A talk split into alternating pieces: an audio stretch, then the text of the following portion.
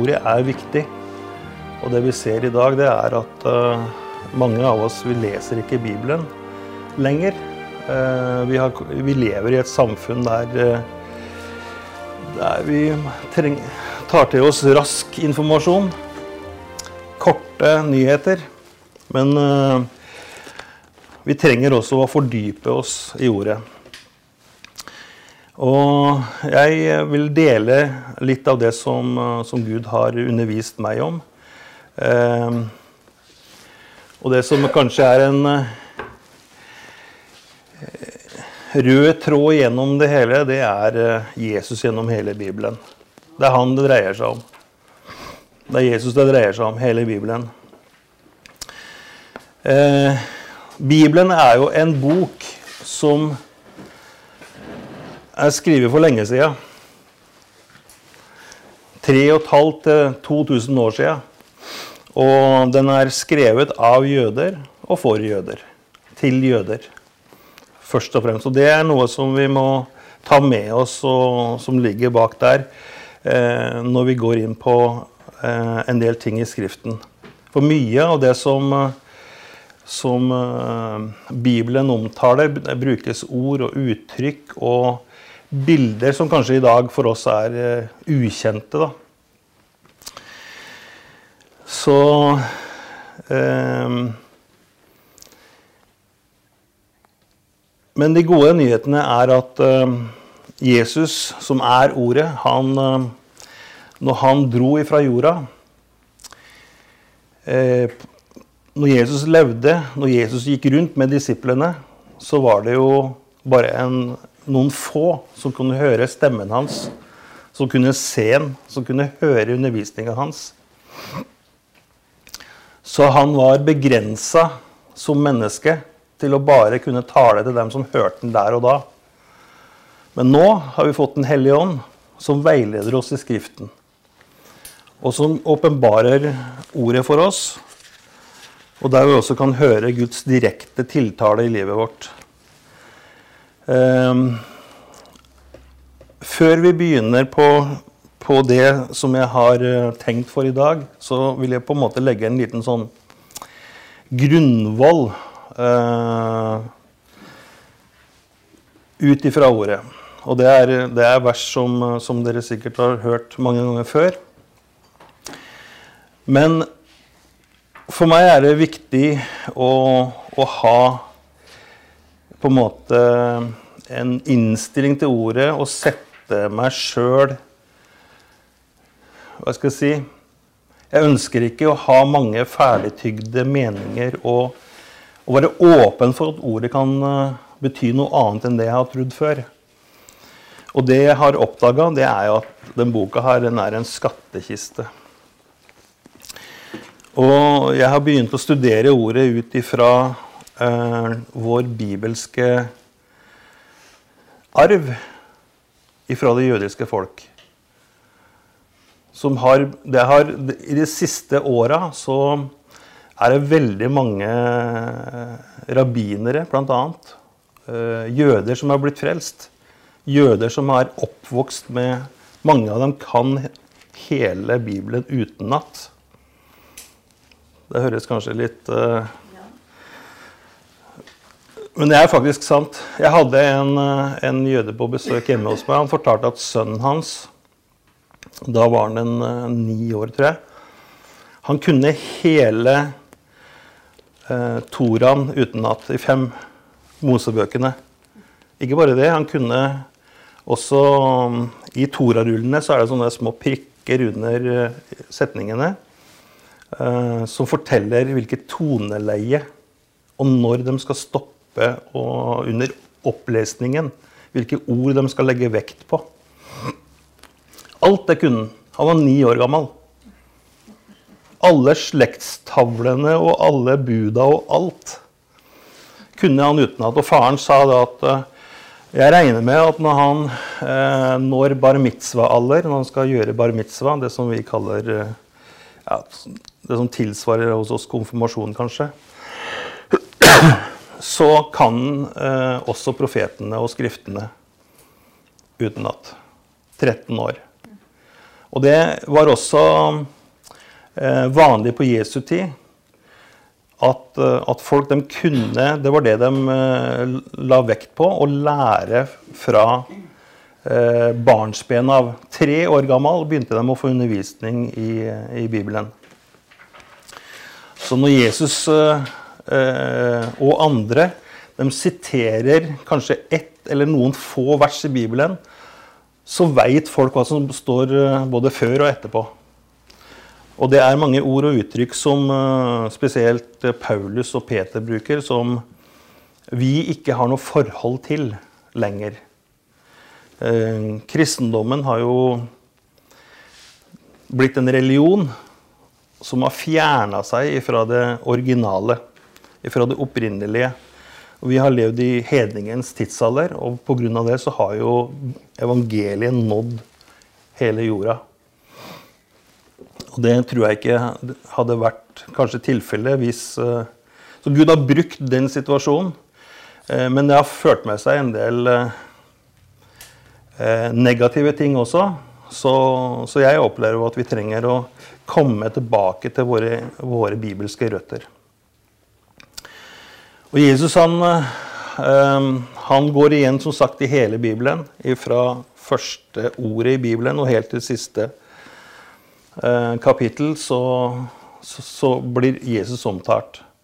Og han sier jo det eh, til jødene sjøl, at hadde dere trodd Moses, så hadde dere også trodd meg. For det er om meg han har skrevet. Det står i Johannes 5, 46-47. Hvis dere ikke tror Hans skrifter, hvordan kan dere da tro mine ord? Hvis dere ikke tror på Moses, hvordan kan dere da tro, tro på meg? Og meg han skrev om. Og det skal vi bruke tid på i dag. Um, vi skal se på historien om, om Isak og utvelgelsen av eh, bruden. Men før vi kommer så langt, så, så, har jeg lyst til å ta fram noen ting. Og det, eh, jeg har nevnt det før her i menigheten, eh, tatt fram det ordet, men jeg bare tar det igjen. Eh, Jesus han var begrensa når han var her.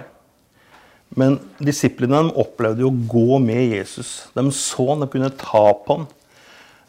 De hadde en helt annen relasjon enn det som vi tror vi kan ha med Jesus. Å, den var heldige. Har du tenkt sånn noen gang? Det har jeg for det jeg har gjort. Tenk om jeg kunne ha vært der og hørt det sjøl og sett det sjøl. Men i 2. Peter eh, kapittel 1 fra vers 16 så, så skriver Peter, for han var jo en av dem som var nærmest Jesus. Det var jo ikke oppdiktede sagn vi holdt oss til da vi kunngjorde for dere vår Herre Jesu Kristi kraft og Hans komme. Nei, vi var øyenvitner, og vi så Hans guddommelige storhet. Så han tar fram det at de var øyenvitner. Det var ikke bare noen historier de hadde hørt. For han fikk ære og herlighet av Gud Fader den gang røsten lød mot ham fra den høyeste herlighet. Dette er min sønn, den elskede, som jeg har behag i. Vi selv hørte denne røsten lyde fra himmelen da vi var sammen med ham på det hellige fjell. Derfor står også profetordet profetordet desto fastere for oss. Dette ord bør dere ha for øye for det er lik en lampe som lyser opp på et mørkt sted, inntil dagen gryr og morgenstjernen går opp i deres hjerter. Morgenstjernen her, det er Jesus. Han er omtalt som morgenstjernen. Men dere må fremfor alt vite at han ikke kan tyde noe profetord i Skriften på egen hånd. For aldri er noen profeti båret fram fordi et menneske ville det, men drevet av Den hellige ånd talte mennesker ord fra Gud. Så den boka her den er inspirert av Den hellige ånd. Det profetene har sagt og uttalt, det har vært drevet av Den hellige ånd. Um, og vi er nødt for å ha Den hellige ånd for å dekode det. for å forstå det med vårt indre menneske. Det er ikke noe vi kan forstå med forstanden vår. Men vi trenger at Den hellige ånd eh, åpner Skriftene for oss. Dette her skjedde jo på Forklarelsens berg, det vi leste her. Da de så at han virkelig var Guds sønn. De hørte stemmen fra himmelen. Fikk en bekreftelse på det. Men allikevel så, så, så sier Peter at uh, det som er enda viktigere enn det, det er ordet. Det profetiske ord.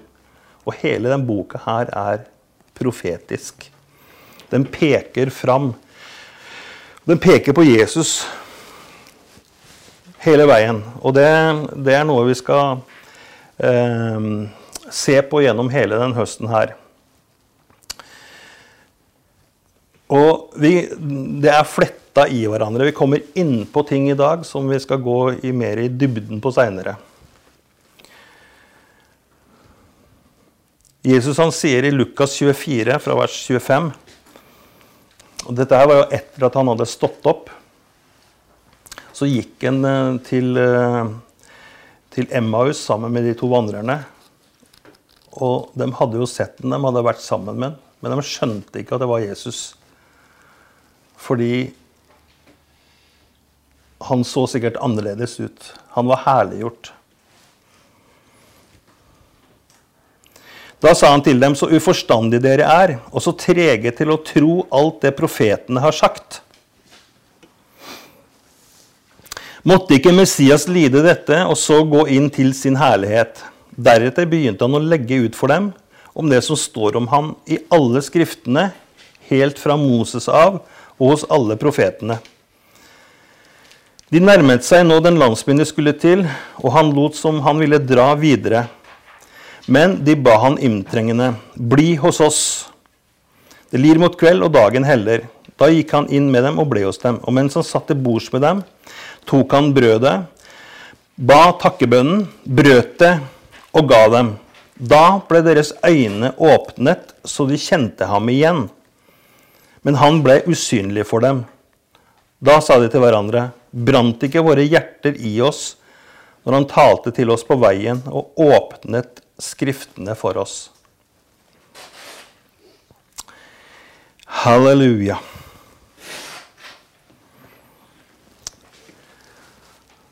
Og det vi, det vi, ønsker med dette her, det er at, eh, at Herren skal åpne Skriftene for oss.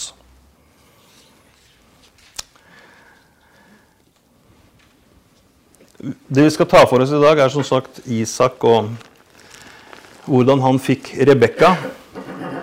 Men vi skal se litt først på ehm, For dette er en historie som er, er, veldig profetisk, og den inneholder masse detaljer som, eh, som forteller oss eh, hvordan Gud har tenkt ting skal bli.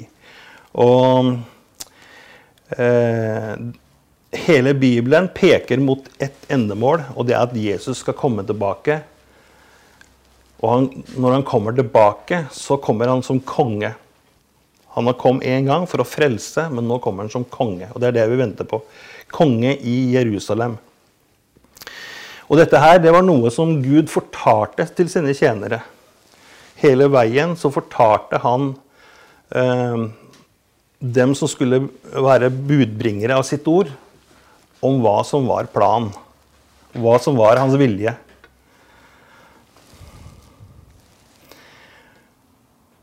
Og vi skal um, lese litt om uh, faren til Isak, Abraham. Vi leser fra Hebreerne 11, fra vers 8 der.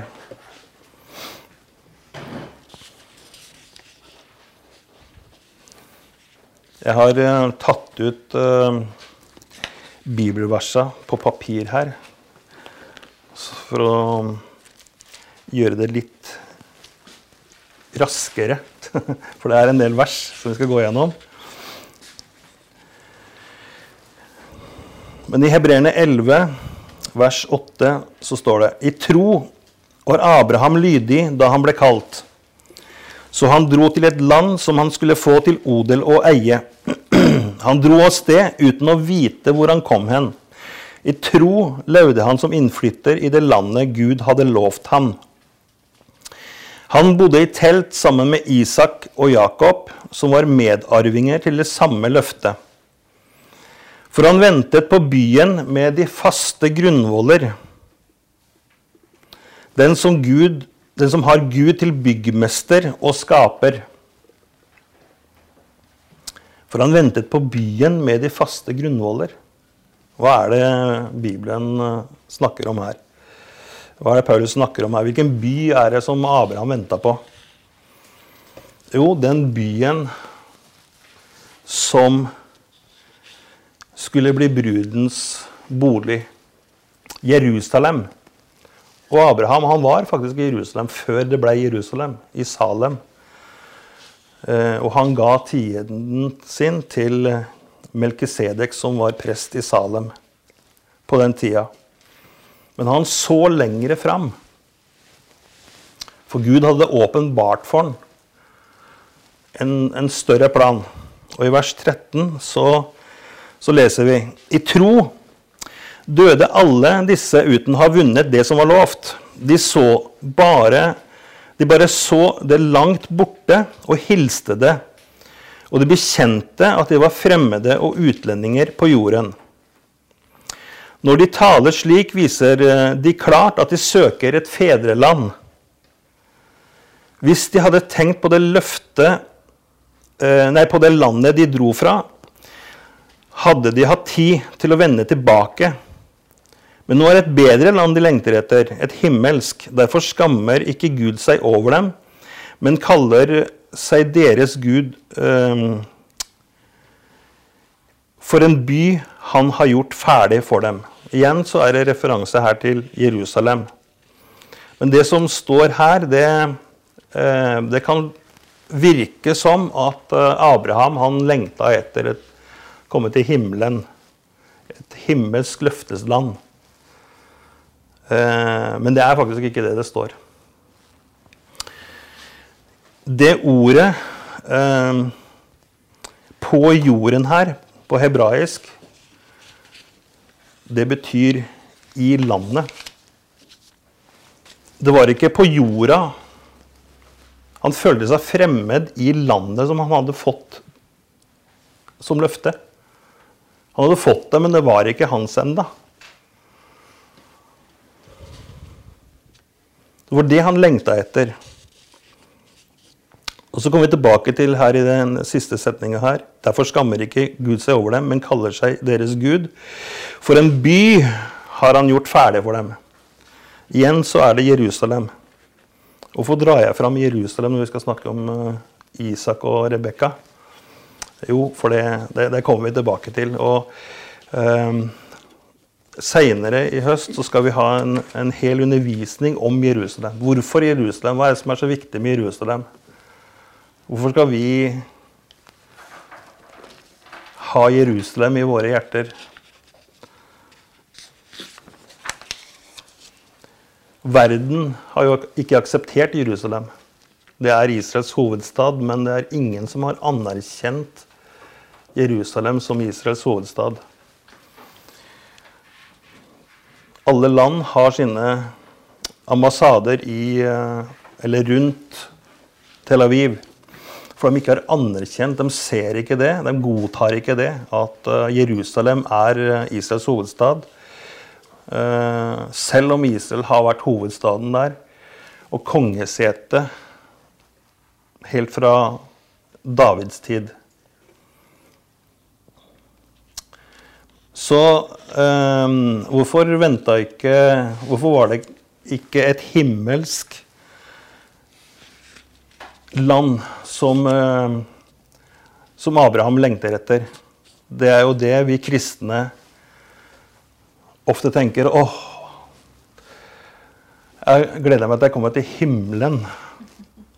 Ikke sant? Og vi sier om alle som dør, at de kommer til himmelen. Men eh, det er faktisk eh, ubibelsk. Så det himmelske her, det ordet for himmelen her, det er shamayim. Shamayim. Og det er, eh, det er et navn på Gud. Det er Guds rike vi ønsker skal materialisere seg. Det var det som Abraham venta på. At Messias skulle komme og gjenopprette alle ting. Og at Guds rike igjen skulle komme til jorda. Sånn som det var i Edens hage, når Gud gikk sammen med menneskene. Da han eh, så dem inn i øya og var fysisk til stede sammen med, med menneskene. Hadde han eh, venta på det himmelske, da hadde han ikke behøvd å dratt ut fra Ur i Kaldea, der han kom ifra. Og Paulus sier jo her at de hadde jo hatt tid til å dra tilbake. Han fikk jo ikke se landet som sitt. Han var fremmed. Det var eh, fiender overalt.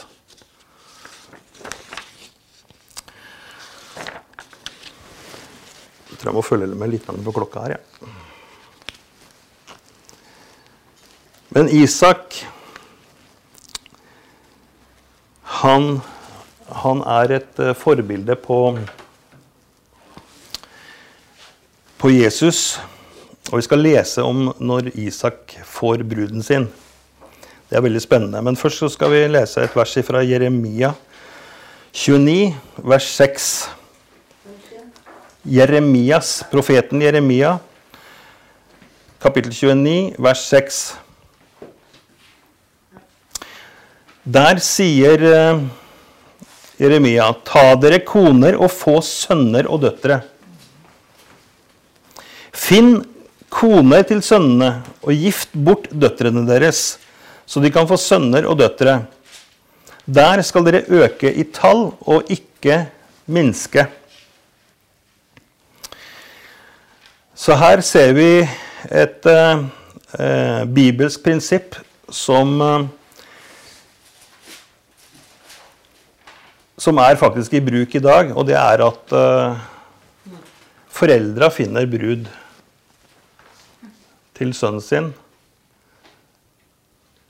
Eller foreldra finner en, brudgom til dattera si. Finn kone til sønnene og gift bort døtrene deres. Og det er jo en veldig problematisk tanke i dag. Jeg vet ikke om åssen uh, Ja. Jeg, vet, jeg vet ikke åssen døtrene mine ville ha reagert hvis jeg hadde presentert dem for deres fremtidige ektemann. Men er det tvang det er snakk om? Nei, det er ikke det. Og Martin Luther, han sa um, Han ga et råd. Be om rett ektefelle for dine barn allerede fra fire års alder. Altså det er, det, dette her handler noe om ansvaret som vi som foreldre har for ungene våre. Um, og Martin Luther han skjønte da at det var viktig med, med rett ektefelle, eller en god ektefelle. Så be om rett ektefelle allerede, allerede når ungene er små. Eh, nå, er det, nå er det bare én av ungene året av de fire som har gifta seg. Så det er ennå ikke for seint. Men eh, hvis du går på hotell i Israel, så vil du se ortodokse unge jøder som sitter i eh, foajeen der. I, resepsjonsområdet eller i restauranten. Um, hvorfor gjør de det? Jo, de sitter og prater. Og uh, jeg husker en gang, eller flere ganger, jeg har sittet og studert disse para. Og på en måte sittet og kalkulert hvor gode sjanser de har. Men det er sånn at, eh, at foreldra eh, går sammen med en annen familie og så sier de at vi tror at vår sønn er en god ektemann for din datter. Vi tror de er et bra par. Sånn som vi kjenner vår sønn. Hva mener dere om det?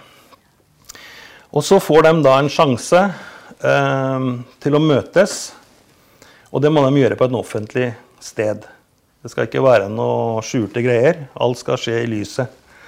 Og så prater de sammen og forteller om sine, Åssen de ser på livet, og, eh, og diskuterer eh, eventuelt også hvordan de skal stifte familie sammen. Og hvilke regler som skal gjelde der. Jeg kan tillegge at eh, jeg og Margunn, før vi gifta oss, så satte vi opp eh, regler for vår familie. Vi bestemte oss før vi gifta oss, hvordan vi skulle oppdra barna våre. Og det, det har vært til, eh, til stor hjelp. Altså, vi satte på en måte kursen før, før vi begynte ikke å krangle om det etterpå. Eh, så, så jødene, dem, dem, dem møtes én gang. Og hvis de syns, det paret, at dette her er, det, det er interessant, så møtes de en andre gang og fortsetter samtalene. Og etter andre gang så må de bestemme seg. Hvis de bestemmer seg for å gå videre, så blir det et tredje møte. Og da er det planlegging av bryllup. Høres kanskje fjernt og, og rart for oss, men uh, de kan da gå Nei, de kan også bestemme seg for det før det andre møtet, eller under det andre møtet, at det, det er ikke oss. Da, så det er ikke noe tvang som ligger over det. Men eh, det er ikke bare følelser og begjær som bringer dem sammen. Det er noe dypere. For vi vet alle det at det kommer en dag Eh, da følelsene ikke er så sterke. Kanskje de er helt fraværende. Eh, vi har, Margunn og jeg vi har vært gift i 34 år, og vi har opplevd det noen ganger. Det har vært så nærme skilsmisse.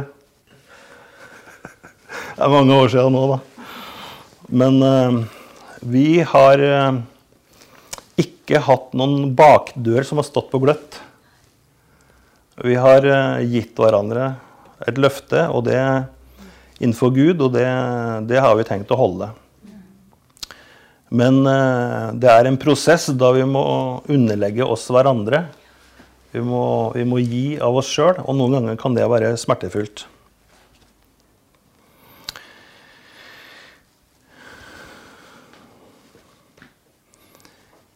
I, før vi går inn i historien, så leser vi fra første Mosebok, 20, kapittel 22, vers 19.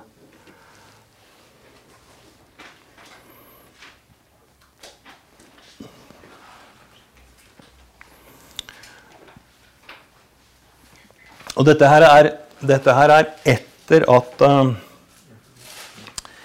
eh, kapittel 19 Nei, 22, eh, vers 19. Første Mosebok 22. Jeg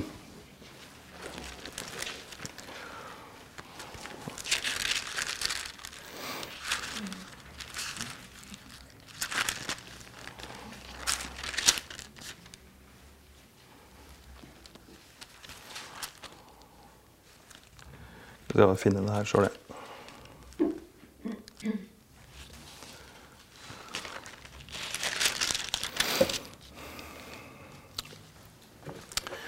Så dette her er eh, etter at eh, Abraham skulle ofre Isak, og at eh, Isak ble lagt på veden. Han skulle kjøre kniven inn, men da kom en engel og sa Abraham, Abraham, stopp, ikke gjør gutten noen ting. Og så åpenbarte den eh, bukken seg i krattet der. Det ordet som, som blir brukt om veden, er det samme ordet som blir brukt om korstreet. Om korset. Han la seg altså på, på treet. Frivillig. Isak.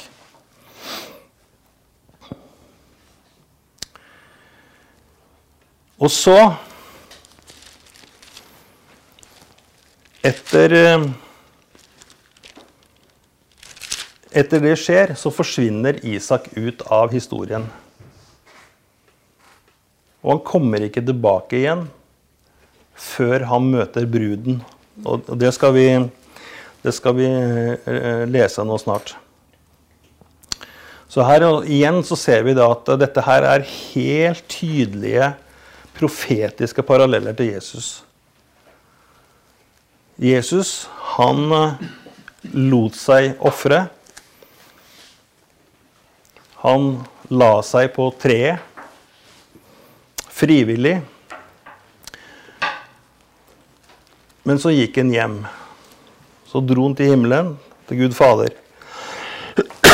Og han kommer ikke tilbake på jorda før han møter bruden. Det er sammen med bruden han kommer. Halleluja. Vi skal lese eh, Før vi tar en strekk, så skal vi lese hele det kapittelet, kapittel 24. Det som handler om eh, det, skal, det som vi skal gå gjennom i dag. Og så kan det ligge der litt mens vi strekker på beina. Og så tar vi en pause, og så gyver vi løs på Skriften. Halleluja. Første Mosebok, kapittel 24. Abraham var nå gammel, langt oppe i årene, og Herren hadde velsignet Abraham i alt. Da sa Abraham til sin tjener, han som var den eldste i hans hus og rådde over alt han eide. Jeg ber deg, legg din hånd under hoften min. Så vil jeg ta deg i ed ved Herren, himmelens og jordens Gud, at du ikke skal ta en hustru til min sønn blant døtrene til kananerene, som jeg bor iblant. Men til mitt eget land og til min slekt skal du dra og hente en hustru til min sønn Isak. Tjeneren sa til ham, men om nå kvinnen ikke er villig til å følge meg hit til dette landet, skal de da føre din sønn tilbake til det land uh, du er kommet ifra? Abraham svarte, vokt deg vel for å føre min sønn tilbake dit. Herren himmelens Gud, som tok meg bort fra min fars hus og fra mitt fedreland, og som talte til meg og lovte meg med ed og sa:" Din ett vil jeg gi dette landet. Han skal sende sin engel foran deg, så du kan hente en hustru til min sønn derfra. Men dersom kvinnen ikke er villig til å følge deg, da skal du være løst ifra denne ed til meg. Før bare ikke min sønn tilbake dit. Da la tjeneren hånden under hoften til Abraham, sin herre, og lovte ham dette med ed. Så tok tjeneren ti av sine, sin herres kameler og dro av sted, og all slags kostbare ting som eh, hørte hans herre til. Det hadde han med seg. Han brøt opp og ga seg på vei til Mesopotamia, til Nakors by. Han lot kamelene legge seg ved brønnen utenfor byen. Det var i kveldningen, ved den tid da kvinnene pleide å gå dit for å dra opp vann. Og han sa, Å Herre, du som er min Herre Abrahams Gud, jeg ber deg, la det lykkes for meg i dag, og vis din godhet mot min Herre Abraham Se, nå står jeg her ved denne vannkilden, mens døtrene til byens menn kommer ut for å dra opp vann. La det nå bli slik at den piken jeg spør, vær så snill, hell på krukken din, så jeg får drikke, og som da svarer, drikk du, og jeg vil også gi kamelene dine å drikke. La det være henne du har utsett for din tjener Isak. Av dette vil jeg skjønne at du har vist godhet mot min Herre. Og det skjedde alt før han hadde talt til ende, eller bedt til ende, som det står i andre oversettelser. Se, da kommer Rebekka ut med sin krukke på skulderen. Hun var datter til Betuel, sønn av Milka og Nakor, Abrahams bror. Piken var meget vakker en jomfru som ingen mann hadde vært nær. Hun gikk ned til kilden og fylte krukken sin, og kom så opp igjen.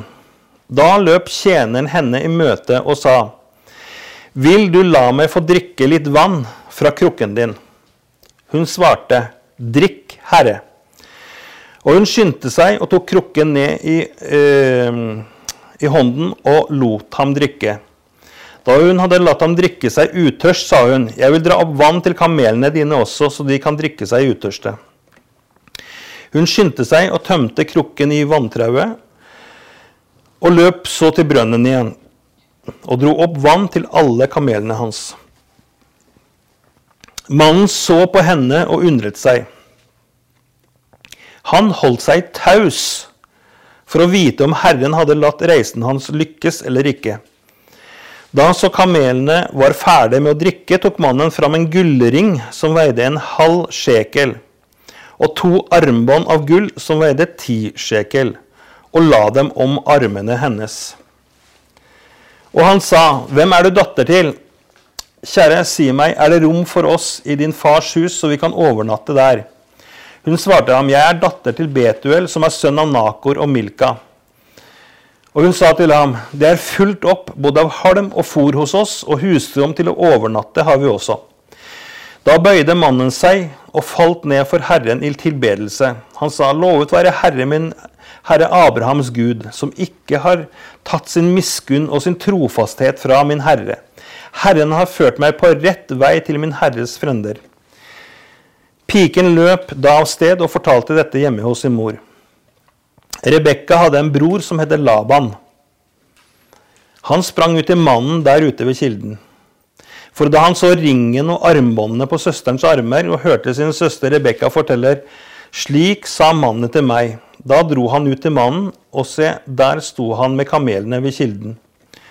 Og han sa, Kom inn, du Herrens velsignede. Hvorfor står du her ute? Jeg har jo gjort huset i stand, og det er plass for kamelene. Mannen kom da inn i huset. De leste av kamelene og ga dem halm og fôr, og de kom med vann til mannen og dem som var med ham, så de kunne få vasket føttene. Men da de satte fram mat for ham, sa han, nei, jeg vil ikke ete før jeg har båret fram mitt ærend. Og han sa, si fram. Da sa han, jeg er Abrahams tjener. Herren har rikt velsignet min herre, så han har blitt en rik mann. Han har gitt ham småfe og storfe, sølv og gull, treller og trellkvinner, kameler og esler. Og Sara, min herres hustru, har i sin høye alder født min herre en sønn, og til ham vil, gi, uh, vil han gi all sin eiendom.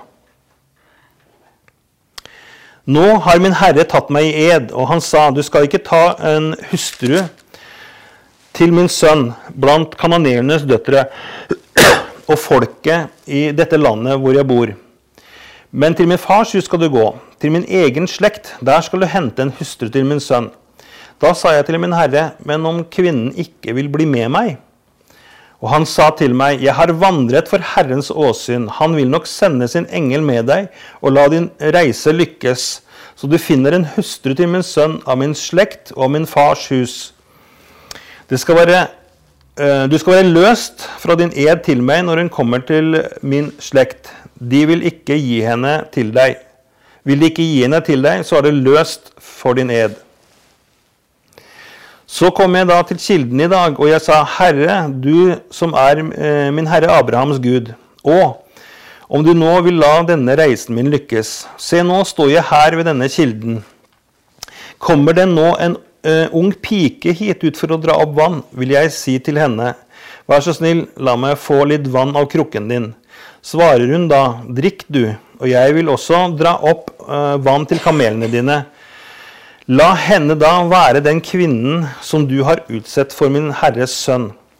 Før jeg hadde ennå hadde talt ut i mitt hjerte, se da kom Rebekka der med krukken på skulderen. Hun gikk ned til kilden og dro opp vann. Og jeg sa til henne, kjære, la meg få drikke. Da skyndte hun seg og tok krukken ned og sa, drikk, og jeg vil også la kamelene dine få drikke. Så drakk jeg, og hun gav også kamelene å drikke. Jeg spurte henne, 'Hvem er du datter til?' Hun svarte, 'Jeg er datter til Betuel, Nakos sønn, som Milka fødte ham.' Da satte jeg ringen i hennes nese, og jeg la armbåndene på armene hennes. Og jeg bøyde meg og falt ned for Herren i tilbedelse. Jeg priste Herren, min, Abrahams, min Herre Abrahams Gud, som hadde ført meg på rett vei til å finne min Herres brordatter til høstru for hans sønn. Og nå som det, eh, dere vil vise godhet og trofasthet mot min Herre, da si meg det. Hvis ikke, så si meg det, så jeg kan vende meg til en annen kant. Da svarte Laban og Betuel. Dette kommer fra Herren. Vi kan ingenting si deg, verken ondt eller godt.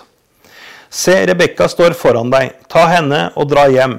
La din Herres sønn få henne til hustru, slik Herren har sagt. Og det skjedde da Abrahams tjener førte, hørte deres ord, bøyde han seg til jorden for Herren. Så tok tjeneren fram sølvsmykker og gullsmykker og klær og ga til Rebekka. Og hennes bror og hennes mor ga han også kostbare gaver. Så åt de og drakk, han og de menn som var med ham, og de ble der natten over. Da de så sto opp om morgenen, sa han, la meg nå dra hjem til min herre. Men hennes bror og hennes mor sa, la piken bli hos oss en tid. En ti dager eller så, siden kan hun dra uh, av sted. Han sa til dem, opphold meg ikke. Nå har Herren latt min reise lykkes. La meg få, dra, uh, få ta av sted, så jeg kan komme hjem til min herre. De sa da, la oss kalle uh, på piken og spørre henne selv. Så kalte de på, eh, på Rebekka og sa til henne, 'Vil du reise med denne mannen?' Hun svarte, 'Ja, det vil jeg'. Så lot de Rebekka, sin søster og hennes fostermor dra av sted med Abrahams tjener og hans menn. Og de velsignet Rebekka og sa til henne, Vår søster blir til tusen ganger ti tusen. Måtte din ett ta sine fienders porter i eie. Så brøt Rebekka opp med sine piker. De red på kameler og fulgte med mannen. Og tjeneren tok Rebekka med seg og dro av sted. Nå var Isak nettopp kommet tilbake fra en vandring til oasen Lakai Roi. For han bodde i Sydlandet. Ved kveldstid gikk Isak ute på marken for å ha en stille stund. Da han løftet blikket, ble han var kameler som kom. Rebekka så opp, og da hun fikk øye på Isak, skyndte hun seg av sted.